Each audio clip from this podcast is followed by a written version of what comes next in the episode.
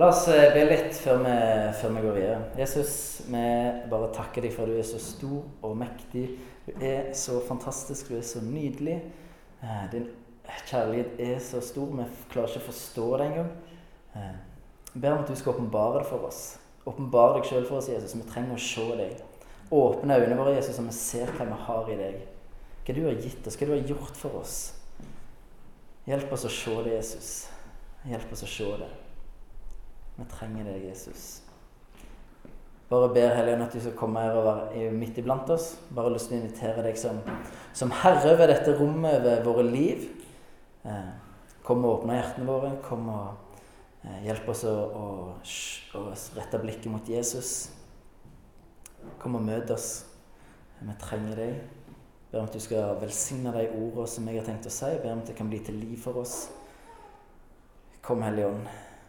Kom og vær i lag med oss. Vi trenger deg. Amen. Vi snakker om Guds rike denne høsten her. Eh, og det er det, Vi snakket litt om det når vi, når vi ba litt sånn før gudstjenesten, at det er litt sånn vanskelig å få grep om hva er Guds rike egentlig. Det er ikke så lett. Vi har snakket om det i hverdagsgruppene. Det er ikke en måte kjempelett å få grep om hva er Guds rike egentlig. Vi har snakket om at det er eh, at det er noe som har forskjellige perspektiv. Jesus bruker masse lignelser for å vise hva er det for noe, og det, hvordan kan det se ut. Og vi har eh, prøvd å måte, finne litt hva er Guds rike. Eh, og det er ikke bare lett. Bjørn Sverre snakket sist om, om at det må bli som barn for å komme inn i Guds rike. Eh, vi trenger å stole på Gud, vi trenger å være nysgjerrige. Vi trenger å være entusiastiske, sånn som ungene er. Det er noen ting der som vi trenger, som Jesus sier at dette trenger dere for å komme inn i Guds rike.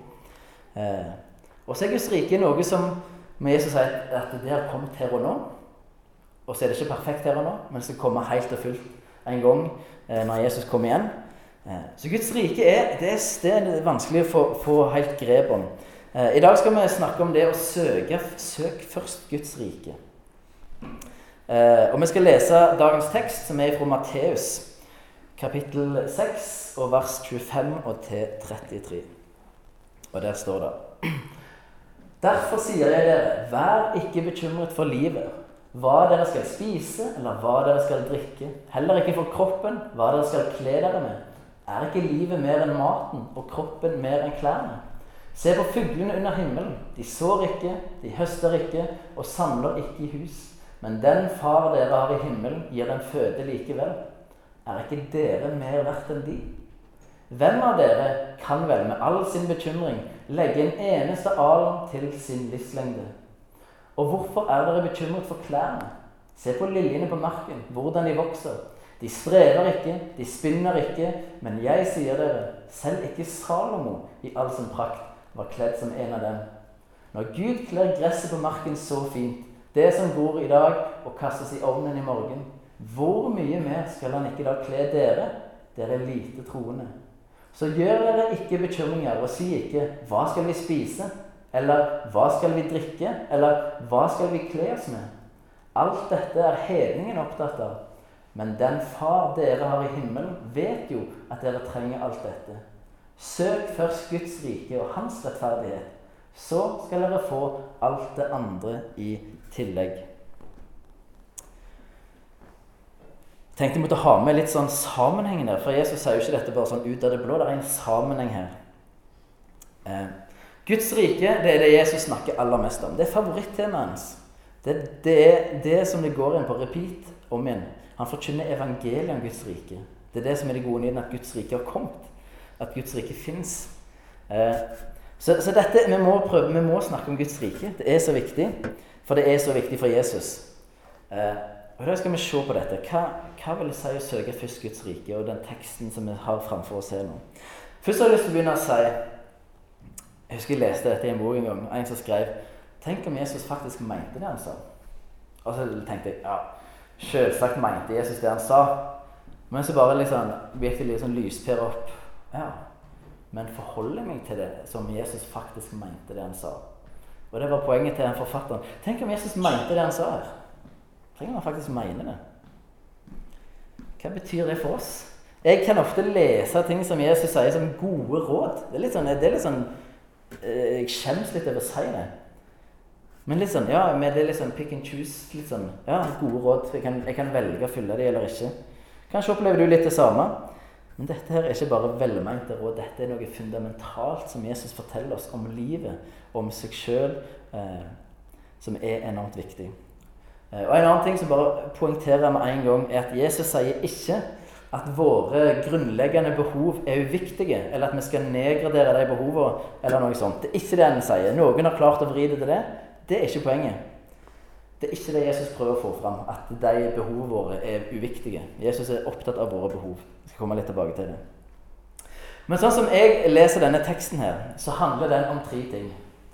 Eh, og det er at den handler om eh, våre behov. Det handler om kontroll. Eh, og det handler om prioriteringer. Og Jeg tenkte jeg skulle si litt om det før vi ser på det å, å søke Guds rike først. For det, der, jeg tror det er en bevisst rekkefølge her. For Jesus han begynner å snakke om behovene våre. Og Jesus han er praktisk. Han vet hvordan vi har det. Han vet at vi har behov.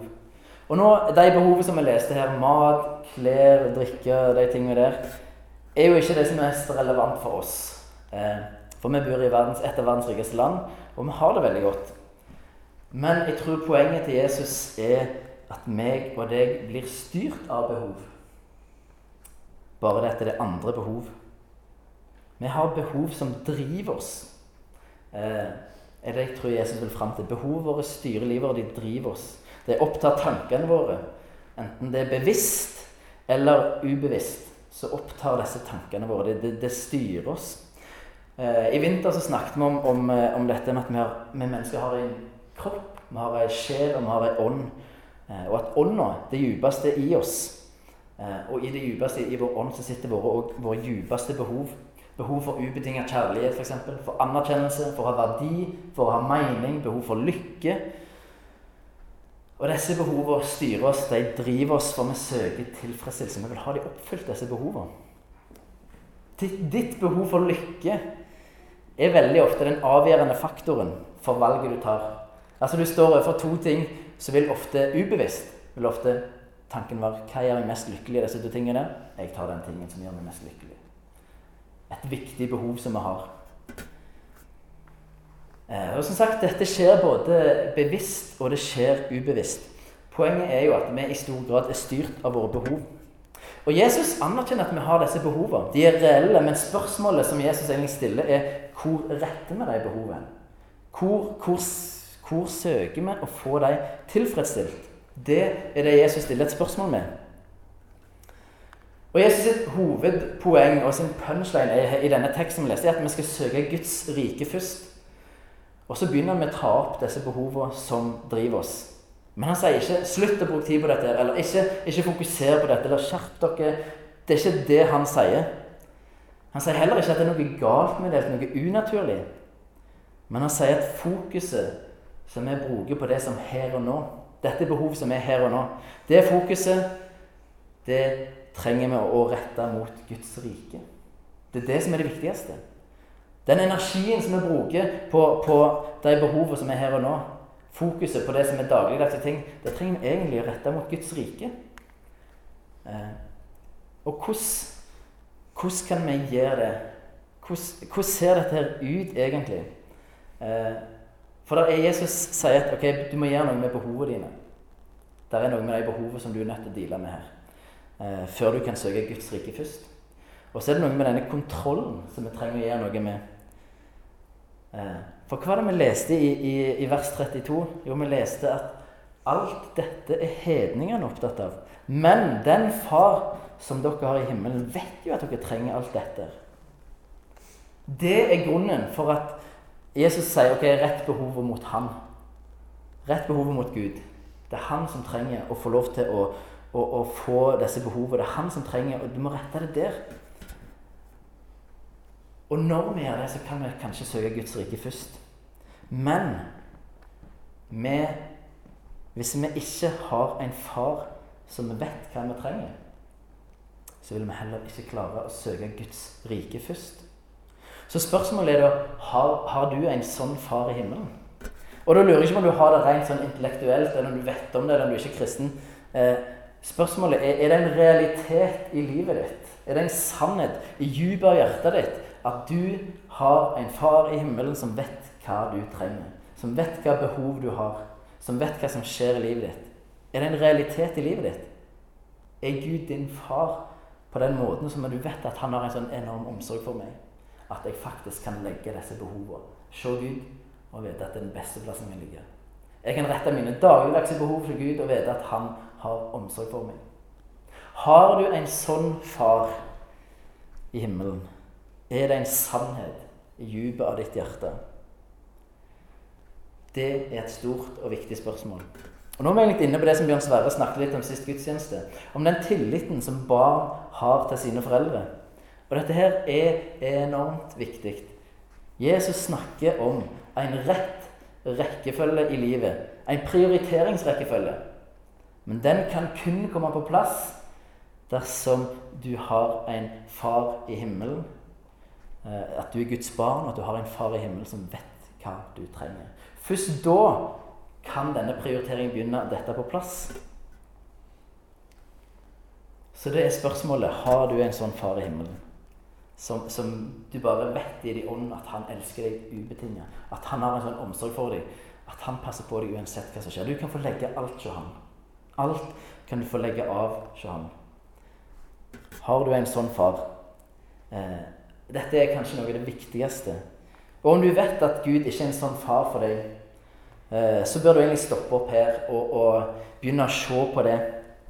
For hvis du ikke eh, hvis du ikke som barn har full tillit til at pappa har kontroll, så vil vi styre og streve og prøve å få kontroll sjøl. Og det er det Jesus sier. Det Jesus sier her, er gi slipp på den kontrollen. Gi slipp på den kontrollen. Du har en far i himmelen som vet hva du trenger. Han, er, han fins, han er ekte, det er sant, men er det sant i hjertet ditt? Har, har det gått opp for deg? Har det blitt åpenbart for deg at Gud er din far, som elsker deg så enormt høyt, og som har mye mer omsorg for deg enn du noen gang kommer til å ha sjøl? Er det en realitet i livet ditt? Det må du finne ut. Eh, dette er en nøkkel. Og så kunne vi sagt ja, handler ikke dette egentlig om, ja, om bekymringer? Jo, kanskje kan vi si at det handler om bekymringer, men jeg tror det stikker noe dypere enn det. For hva er bekymring? Er ikke det at vi har en tanke om hvordan livet egentlig bør gå og egentlig var. Vi, altså Bekymring handler om at vi har en tanke om hvordan livet egentlig bør være. Hvordan utfallet av dette livet bør være. Og Derfor så tenker jeg, for vi, bekymrer oss for at ikke ting skal bli helt sånn som vi tenker at livet skulle være. Vi bekymrer oss for vi prøver å kontrollere hvordan livet vårt skal bli. Er ikke det mye opphav til våre bekymringer? Vi har en mening om at hvordan livet egentlig bør gå, og vi må ta kontroll over det sjøl, for vi tror ikke at Gud egentlig vet hvordan livet vårt bør gå. Vi stoler ikke helt på at Gud egentlig ja, Gud tenker sikkert noe, men jeg vet hvordan dette livet mitt egentlig bør se ut. Og det bør se sånn ut og sånn og sånn. Og derfor, så jeg ikke kan stole på at Gud tar kontroll, så må jeg ta kontroll. Og så kommer det en haug med bekymringer på lasset. Eh, og hvis vi tenker etter, så er dette egentlig ganske arrogant. Eh, at vi skal tenke at vi skal ha kontroll og kontrollere utfallet av vårt liv.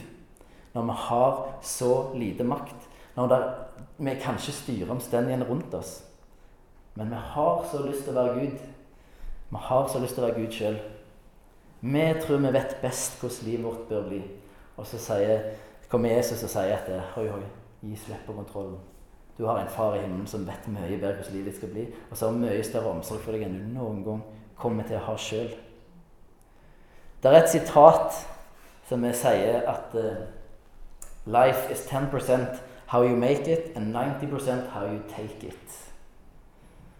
Altså Poenget er vi styrer så lite av livet vårt at det vi skal fokusere på, er ikke hvordan vi skal styre livet vårt, men hvordan kan vi takle livet vårt. Det er det Jesus prøver å fortelle oss, at skal du takle livet ditt, så må du gi jeg vekk kontrollen. Og så må jeg få lov til å være den, det du søker først. Da kan du takle livet. Da har du et verktøy for å takle livet. Og hvis du ser rundt oss I verdens beste eller rikeste land så sliter folk med å takle livet. Det er ganske, ganske sprøtt.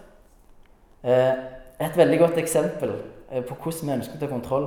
For noen år siden så var det en grusom tsunami i, i Thailand. Det var rundt juletida. Jeg husker ikke hva år det var. Jeg, tror det var Thailand. Var det ikke det? Jeg tror det. Eh, rundt nyttårstida et år. Eh, krise. Enormt mange folk som døde. Eh, og, og, i USA så tenkte de ok, her, her er det krise. Vi sender en haug med traumeeksperter. For her er det jo nødt til å være en hel del med traume. Og det de, det de fant ut, var at eh, Nei, det trengte de ikke. De hadde behov for empati. Det hadde de behov for. Men de hadde ikke behov for noen traumeeksperter. For de var vant med at vi kontrollerer ikke livet. Vi er helt avhengig. Vi, er satt i en verden som vi ikke kan styre. Vi, det, dette er helt normalt. Vi vet at livet er sårbart. Vi vet at vi kan dø hvilken tid som helst. Vi vet at vi styrer ikke livet. Men i Vesten så klarer vi ikke å tenke sånn. For vi skal kontrollere livet vårt. For vi har kommet så langt, og vi har blitt utvikla så voldsomt, vi har så mye ressurser, og vi vet jo hvordan livet bør være. Og så har vi så mye elever av disse som, som, faktisk vet at nei, det er så lite vi vet og kan gjøre med livet. De har faktisk forska på det, eh, og jeg tror de kom fram til at ca. 95% av livet ditt er tilfeldigheter som du ikke kan styre sjøl. Mens 5% er noe du kan gjøre med sjøl. Det er på en måte og de 5 av tviholder vi på, så prøver vi å styre de 95 siste. Så klarer vi det ikke. For det er ikke vårt å styre. Vi kommer aldri til å få den kontrollen. Og hvis vi skal prøve å kontrollere det, så får vi bare en haug med bekymringer. Skal vi kunne søke Guds rike først, så må vi rette behovet mot Gud. Og vi må gi slipp på kontrollen. Og la Gud få være Gud. Vi må slutte å prøve Gud sjøl. Så må vi stole på at vi har en far i himmelen som vet hva vi trenger og som har en sånn enorm omsorg for oss, og som vet hva behov som vi har, og hvordan vi trenger å få møtt de behovene. Og når vi gjør det, så kan vi være i stand, tror jeg, i større grad til å søke Guds rike først. Og hans rettferdighet. Og Jeg sier ikke at det er liksom, et bestemt punkt at først må du 100% rette alle behov mot Gud, og så 100% i kontroll, og så først går det an å søke Guds rike først. Dette er sånn som går i hverandre. og det er en sånn det, dette bølger fram og tilbake. Eh, og det er ikke noe rekkefølge på det. Eh, det. det. er en prosess som flyter over hverandre. Men dette her er, er så viktig. Eh, for i vår kultur så har vi kjempefokus på behov, kjempefokus på kontroll. Og Jesus har noe enormt viktig å si om begge deler. Enormt viktig. Så vi trenger å gjøre det for at vi skal kunne søke Guds rike. Vi trenger, skal vi klare det, så trenger vi det. Skal, altså, hvis vi ikke søker Guds rike først, så vil vi bekymre oss. Vi vil prøve å få kontroll. Vi vil rette behovet vårt mot andre veier. Eh, men hvorfor skal vi søke Guds rike først? Eh, og det her det handler om prioriteringer. Ordet 'først' handler jo om prioritering. Det handler om en rekkefølge.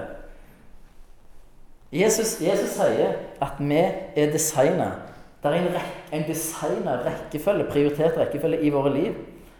En rekkefølge som er meint for ha for at vi skal fungere i henhold til sånn vår originaldesign var. Og vi må huske at Jesus sier dette fordi han vil oss det beste. Det er alltid utgangspunktet for det Jesus sier. Han vil oss det beste. Og Jesus sier at det som vi trenger å være vår hovedprioritet, er Guds rike og hans rettferdighet. Det er det beste for oss, og det er det vi er designa for. Det skal være utgangspunktet for de andre tingene. Det er å søke Guds rike først. Og skal alle elementer og tingene i våre liv finne sin rette plass, så må Gud først få sin rette plass. Det er på en måte den hjørnesteinen. Jesus snakker om at han er hjørnesteinen. Det var den steinen du la som du målte alt annet ut ifra. Du måtte ha noe å gå ut ifra. Det var hjørnesteinen. Hvis du ikke hadde den, så kunne det bli ganske ujevnt. Og til, ja, det var ikke sikkert det ble så veldig bra bygg, for å si det sånn. Eh, Gud må få sin plass før de andre tingene kommer til å finne sin rette plass. Som jobb og penger og fritid og sex og you name it. Før Gud finner sin rette plass, så vil ikke de andre tingene finne sin rette plass i livet vårt. Det vi, det vi snakker om nå, er, er så enormt viktig. Og det er egentlig på mange måter dette Bibelen handler om i stor grad. At vi har noen behov Som er rettet på feil plass, som gjør at vi feiler i å være mennesker sånn som var tenkt. Eller et annet ord vi synder. Vi bommer på målet. Eh, og vårt forsøk på å kontrollere livet, at vi vil være Gud sjøl eller andre avguder. Eh, og Jesus som kommer for å tilgi vår synd og gjenopprette vår relasjon til Far, sånn at vi kan rette behovet mot Gud og stole på Gud, det vi kaller for tru, og gi Han kontroll og sette Hans rike først, sånn at resten av livet òg kan finne sin rette plass. Der er en prioritering rekkefølge i vårt liv. Og Jesus sier at vi trenger å søke Guds rike først og hans rettferdighet. Og når vi gjør det, så vil vi få alt det andre i tillegg. Alt det vi trenger i tillegg. For vi har en far som vet hva vi trenger. Men hva vil det si å søke Guds rike først, og hans rettferdighet? For det står ikke at vi skal søke Gud først. Det står vi skal søke Guds rike først. Hva betyr det? Og jeg, tror vi trenger å Jeg tror ikke det er så lett for oss i en litt sånn mer moderne verden å helt tenke dette med rike og sånne ting. For vi er ikke helt vant med å tenke sånn i en globalistisk verden. Eh, for Jesus, den tida Jesus sa dette, her, så, så det var en helt annen tid. Eh, og de første som hørte dette begrepet rike nevnt Det er en stor sjanse for at de vil knytte det til først og fremst en konge. Det er en konge. Et rike uten en konge, ikke en rike eller en hersker. Eh, og Det er snakk om et herredømme, et utøvende herredømme, altså regjering. Og det er snakk om en suverenitet. Et rike hadde en konge, det hadde en hersker. Og det er den kongen som bestemmer. Og de som tilhører riket til den kongen, er underlagt den kongen sine bestemmelser. Eh, det er ikke et demokrati. Det er en konge som styrer. Eh, det er en konge som har en vilje. Det er et, et, et, et område der han bestemmer, der han er suveren. Det er ingen som kan si noe på det han sier. Eh, og nå er Det jo sånn, det er jo ingen som blir tvinga inn i Guds rike. Eh, og da mener jeg med det å komme til tru. Når vi kommer til tru, så får vi en del i Guds rike. Vi blir tatt inn i Guds rike. Men når vi kommer til tru på Jesus, så, så ble vi en del av Guds rike og Guds familie. Og vi har sagt ja til å ha Gud som konge. Underlegge oss hans vilje og hans herredømme. Men Jesus ber oss om å søke Guds rike først. Det betyr at dette er ikke noe du gjør én gang. Det betyr heller ikke at det nødvendigvis er lett. Dette betyr at dette, dette trenger å ha fokus. Det er noe motstridende her. Dette, dette, her er ikke noe sånn quick fix. Dette er ikke nødvendigvis lett. Dette er ikke noe du gjør bare én gang. Dette er noe som er kontinuerlig. Det er en vedvarende prosess. Eh, og det er en aktiv prosess. Ordet 'søk' er et verb. Det handler om noe aktivt som vi gjør. En vedvarende prosess. Sånn som de som lette etter, etter Sølve og Samuel. De, de satt ikke her og tenkte. Ja, det kan være en her. Ja, det kan være en der òg. Ja, du, du lurer på det. Vi kan lage en teori om hvor det har gjemt seg. Nei, nei, de gikk aktivt og lette og søkte. Hvor er det hen? Brukte energi, brukte krefter, brukte tid på å søke etter disse som hadde gjemt seg. Eh, så dette er aktivt. Det er nok en vedvarende prosess. Eh, og det vil si at det å søke Guds rike først handler, og hans rettferdighet det handler om eh, å ha en aktiv, vedvarende prosess der en prøver mer og mer å underordne seg Guds vilje. La Guds vilje skje mer og mer i eget liv. For Guds rike i oss, sier Jesus. Det har kommet inni oss. Og det handler om å være aktivt med på å utvide grensene til Guds rike. Både i eget liv og i andre sine liv. Eh, I samfunnet. Det handler om å tjene kongen. Det handler om truskap til kongen, lojalitet til kongen. Og så handler det ikke bare om ting vi skal gjøre, men at vi skal, like, vi skal bli mer og mer en del av Guds rike. At Guds verdier blir våre verdier. Måten Gud tenker om mennesker, blir vår måte å tenke om mennesker på.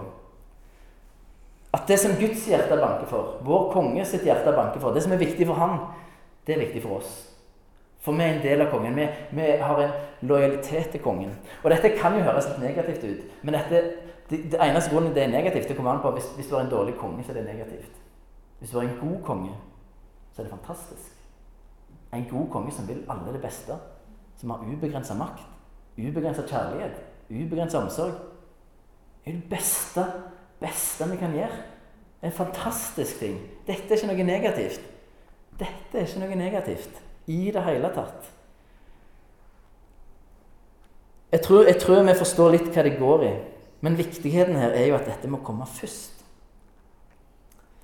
Og når jeg leser dette litt sånn jeg eh, leser det, Søk først Guds rike, så tenker jeg liksom Ja, i motsetning til hva rike? Det ligger litt i kortet i det, i det Jesus sier at det er et annet rike. Og det er et annet rike. Og det er mitt rike, og det er ditt rike. Jeg har lyst til å vise dere en film, faktisk. En, en uh, sang. Det er en gruppe som heter Love and the Outcome. Et ektepar, faktisk. De har lagd en sang som heter If I Don't Have You. Uh, og den har jeg lyst til å spille for dere. Og I begynnelsen av denne filmen her, før sangen så forteller jeg litt om hvorfor lagde de og skrev de denne sangen her. Så jeg bare jeg viser den filmen, så skal jeg avslutte etterpå. There seems to be this theme on the record from these religious um, memory verses and, and practices that aren't negative necessarily, but you grow up and you want to know that it's real. And so we were praying the Lord's Prayer and Thy kingdom come, Thy will be done, ended up flipping to, I guess that's my kingdom go. Hmm. If I'm building God's kingdom, that focus takes over building my kingdom. And I think for us, when we had worked so hard to get here, we really did. I mean, we were not the American Idol, Canadian Idol. Um, and that's a great story. It just was not our story. Mm-hmm. We'd sacrificed and worked our butts off to get here. And of course, submitting to God throughout it all. But um, we were building, we were building something. And so to get here and go, wow, I mean, we saw it crumble and fall a few times to the point where we knew that to have the world and to have this, you know, dream fulfilled, but not, not have God in the middle of it was completely useless and empty. So, thy kingdom come, my kingdom go. And while I was praying that, um, I was nine months pregnant with Milo, and I was still making a to do list and kind of in my own way trying to control my kingdom and my world. And I really felt the Holy Spirit just say to me, like, do you have the faith to rip that up and make a miracle list? To which I literally wrote in my journal, What is that? Mm. Never made a miracle list before. And it was really just the Holy Spirit saying, Can you shift your focus off your kingdom, off of what you can do and accomplish, and shift it to me? And actually have eyes to see what I want to do through your family on the road. That's your ministry. Being on stage is fine. Mm-hmm. But having your kids on the road, being parents on the road, and letting me work through you is what people are going to see and notice. And I can't even begin to tell you the amount of things we are now in tune with that we missed before big and small miracles, you know? Um, and so now we literally go to a show and pray that the Lord would show us what he's up to. I mean, we have a front row seat to everyone at our show mm. that's being literally changed and transformed. And afterwards, they tell us their stories and we write them down and we celebrate our miracle list.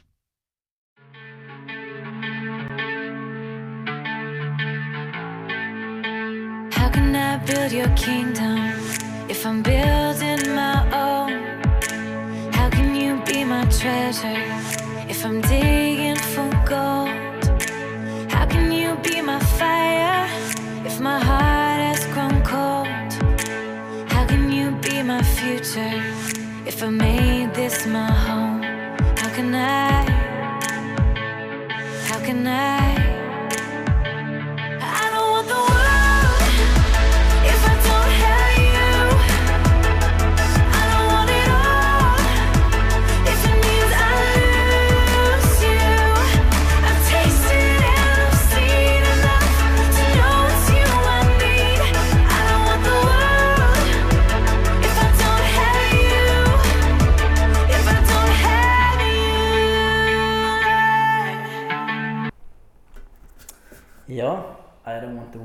World if I don't have you.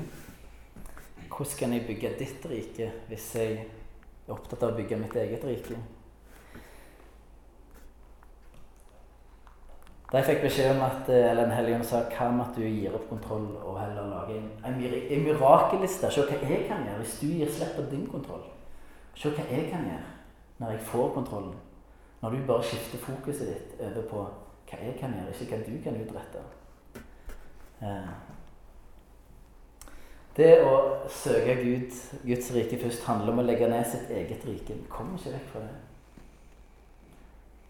Skal jeg søke Guds rike, så må jeg legge ned mitt eget rike.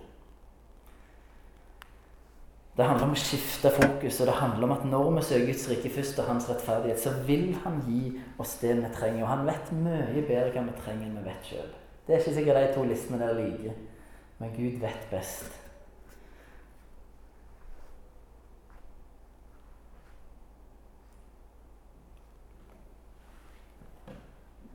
Så trenger vi å rette våre behov eh, mot Gud og gi kontroll og tillit til Han. Eh, vi er nødt til å gjøre det. Vi er nødt til å gjøre det. Eh, jeg har lyst å, å At vi skal bare tenke litt. Reflektere litt. Jeg har noen spørsmål som jeg vil du skal tenke litt på. På hva måte eller hva områder i livet prøver du å kontrollere ditt liv og bygge ditt rike? På hvilken måte skjer det i ditt liv? Eh, bare tenk litt etter. Hva? Og dette er ikke bare at Gud prøver å ta deg, men dette, dette er som en hjelp til ok, hva er det kanskje Hva er det jeg trenger å legge ned? Hva er det jeg trenger å gi til Gud? Så, så på hvilken måte, eller på, i hvilket område prøver du å kontrollere ditt liv og bygge ditt rike? Eh, det kan være økonomi, f.eks. Er, er det jo sånn at eh, du, du må sikre deg så langt fram i tid, så for du tror ikke Gud kan ta deg av deg hvis du mister jobben eller et eller annet sånt. Det kan være et eksempel. Eh, på hvilken måte? Så jeg har lyst til å bare finne ett område i livet der du trenger at Guds rike får komme, og invitere Gud inn i akkurat det området der. Tenk over. Er det spesielt Ikke, ikke tenk alle områder. Vi, vi, har en tendens til å tenke mange ting på en gang. Tenk ett område. Er det ett område som du kan bare si at Gud, her trenger jeg at du, ditt rike får lov til å komme. Så inviter Gud inn i det området der. Den tingen der. Eh, inviter han aktivt inn. Eh, kan du ta neste? Det et eller annet der. Er det en realitet for deg at du har en far i himmelen som vet hva du trenger? Er det sant i dypet av hjertet ditt, uavhengig av hva som skjer i livet ditt? Om det går bra, om det går dårlig, om det skjer dumme ting eller skjer gode ting. Er det en realitet på dypet av ditt hjerte at du har en far som vet hva du trenger? At du er Guds barn, og ingen kan gjøre noe med det. Ingen kan ta det fra deg. Det er sant uansett. Er det en realitet for deg? Eller er det ukjent for deg?